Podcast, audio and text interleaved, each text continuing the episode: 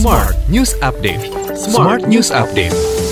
Saya William Darmawan dalam Smart News Update edisi 28 September 2022. My listeners, pemerintah dan Badan Anggaran DPR RI menyepakati kebijakan cukai minuman berpemanis dalam kemasan dan plastik masuk dalam rancangan anggaran pendapatan dan belanja negara 2023. Namun implementasinya akan mempertimbangkan perkembangan kondisi ekonomi, Penerimaan negara dari cukai ini ditargetkan mencapai 245,4 triliun rupiah pada tahun depan.